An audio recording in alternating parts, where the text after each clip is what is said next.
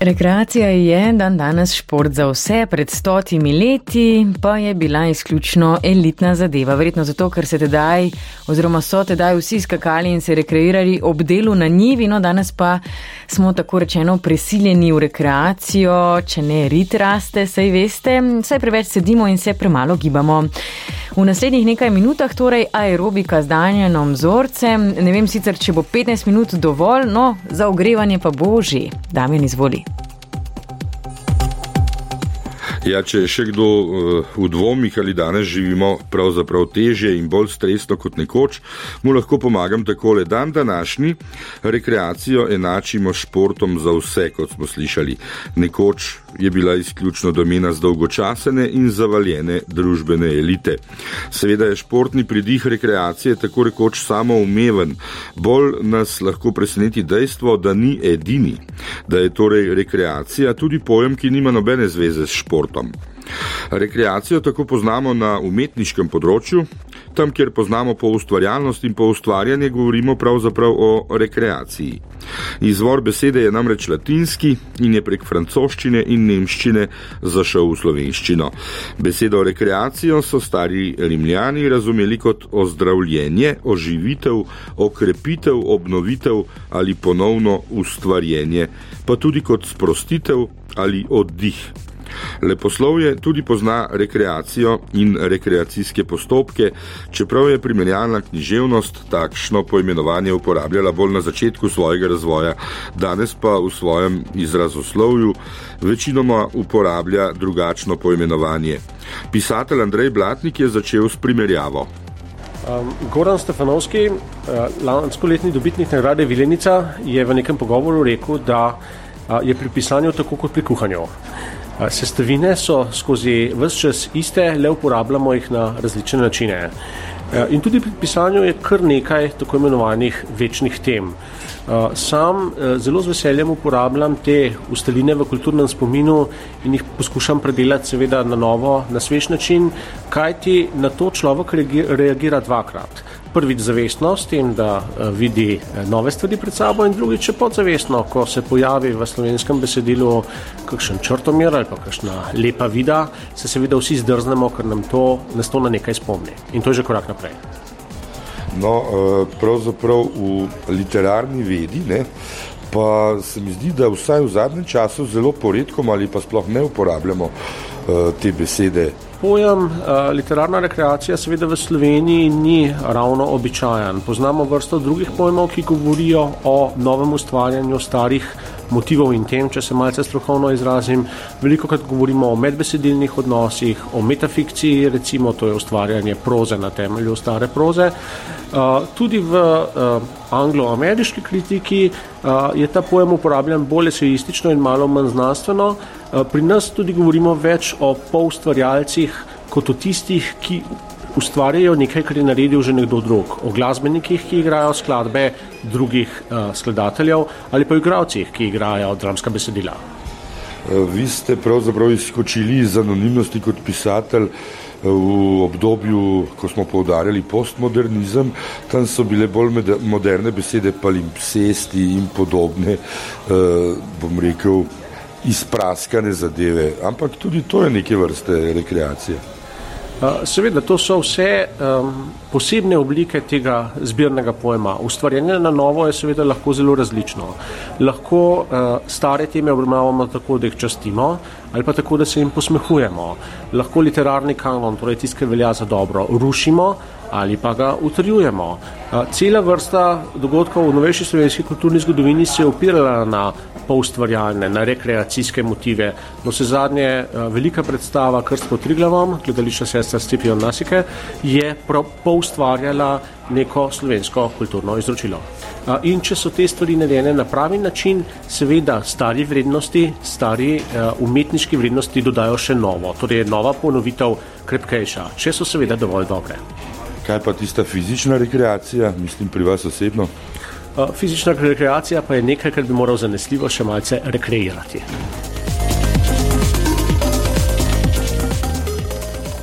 In ne samo v umetnosti, rekreacijo poznamo tudi v medicini, predvsem v besednem sklopu rekreacijska terapija. Pa tudi tu sem na prvo žogo zašel, namreč rekreacijska terapija nima neposredne zveze s fizioterapeuti, tisto je bolj rehabilitacija. Rekreacijska terapija je orodje psihiatrije in eh, najbolj po domače bi jo lahko vrgli v isti koš z upoštevanjem tistega znanega latinskega gesla o zdravem duhu v zdravem telesu.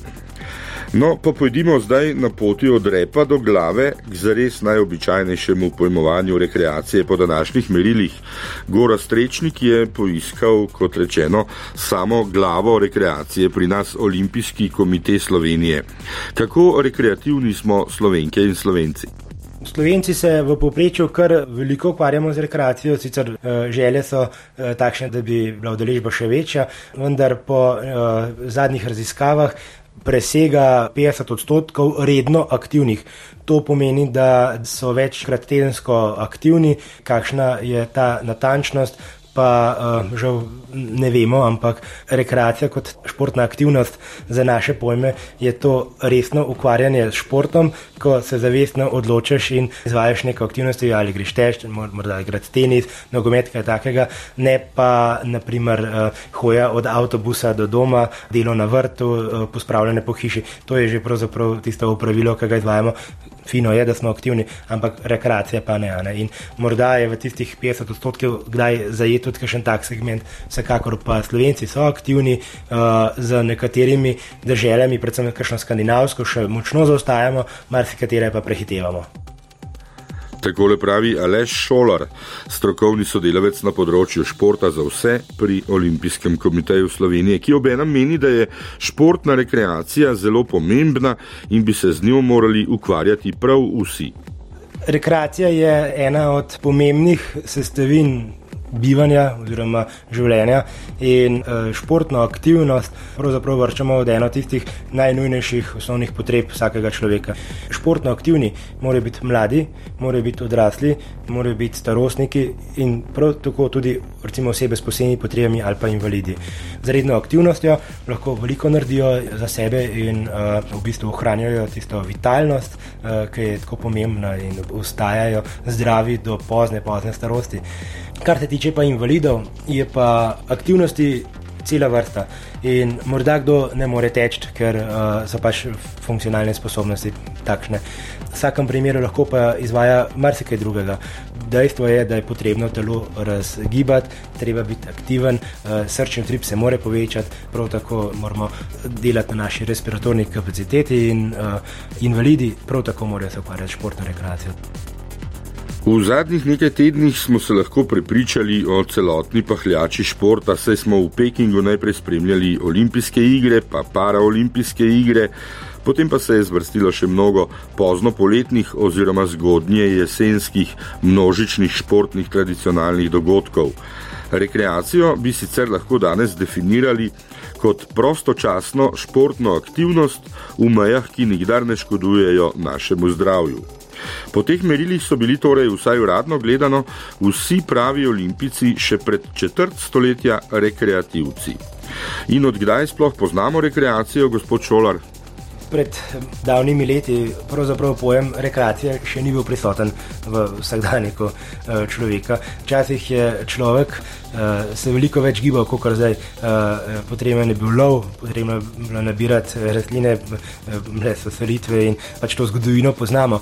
Menim, da je termin rekreacija prišel v uveljavo takrat, ko je človek začel večino časa delati na delovnem mestu, statičnem delovnem mestu in so se zaradi tega pojavile potem potrebe po dodatnem gibanju in pa po dodatnih aktivnostih. Zdaj nekaj pač tistega, tista gibalna komponenta zaradi samega gibanja, nekaj je pa vezano tudi na druge komponente rekreacije. Se, preko rekreacije se pravzaprav tudi družimo, se tako sprostimo in uh, tudi na ta način naredimo nekaj koristnega za svoje telo. Dan danes, kljub dokaj poenotenem pojmovanju, rekreacijo še, še marsikdo zameša z najbolj osnovnim človekovim gibanjem. To je razvidno tudi iz naše ankete. Plešem, hip-hop, razgiban si, bolj si pač kondi, kondicijo imaš, pač dobro se počutiš. Ja, jaz se z baletom, koristi so pač raztegnenost, pa kondicija, slabosti so pa mutacija stopal, pa kavkov. hodim veliko. Kuška imam pa vsak dan uro pa pol sprehoda. To je vsa rekreacija. Pa zjutraj mečkam telovadbe. Mislim, da so tukaj že leta, ki je kar treba majhen eh, poskrbeti za gibčnost še vedno. Ne? Eh, s folklorom plešem za vse, za psiho, za telo, za to, kar te sprosti v bistvu. Ja, s kolesarjenjem, praktično. Ja, za prevoz. Se bom začela zdaj za aerobiko. V bistvu imamo pač obvezno telovadbo na faksu in sem se za to odločila. Po nakupih pa hodim, pa na kavice, tako po Ljubljani, če se to šteje za rekreacijo. Ne? Zato, ker se sprehajamo po Ljubljani. S telovadbo, da se boljše počutiš, da za ohranite zdravje, za kosti, ki so zlasti za starejše. Se ukvarjam z vrtičkom na, na balkonu, jaz za čimnice imam in rože in me tako malo duševno malo tudi uh, se sprostiš, mal, imaš občutek, da, da, da lepše ti je. No? Hodim, hodim vsak dan veliko. Pa ne za dosti, ampak eh, človek je mal lena. Kakorkoli že obrnemo, rekreacija je iz dneva v dan vse bolj v modi. Tudi če se ne rekreiraš, moraš sam pri sebi najti izgovor, da to vendarle na nek način počneš.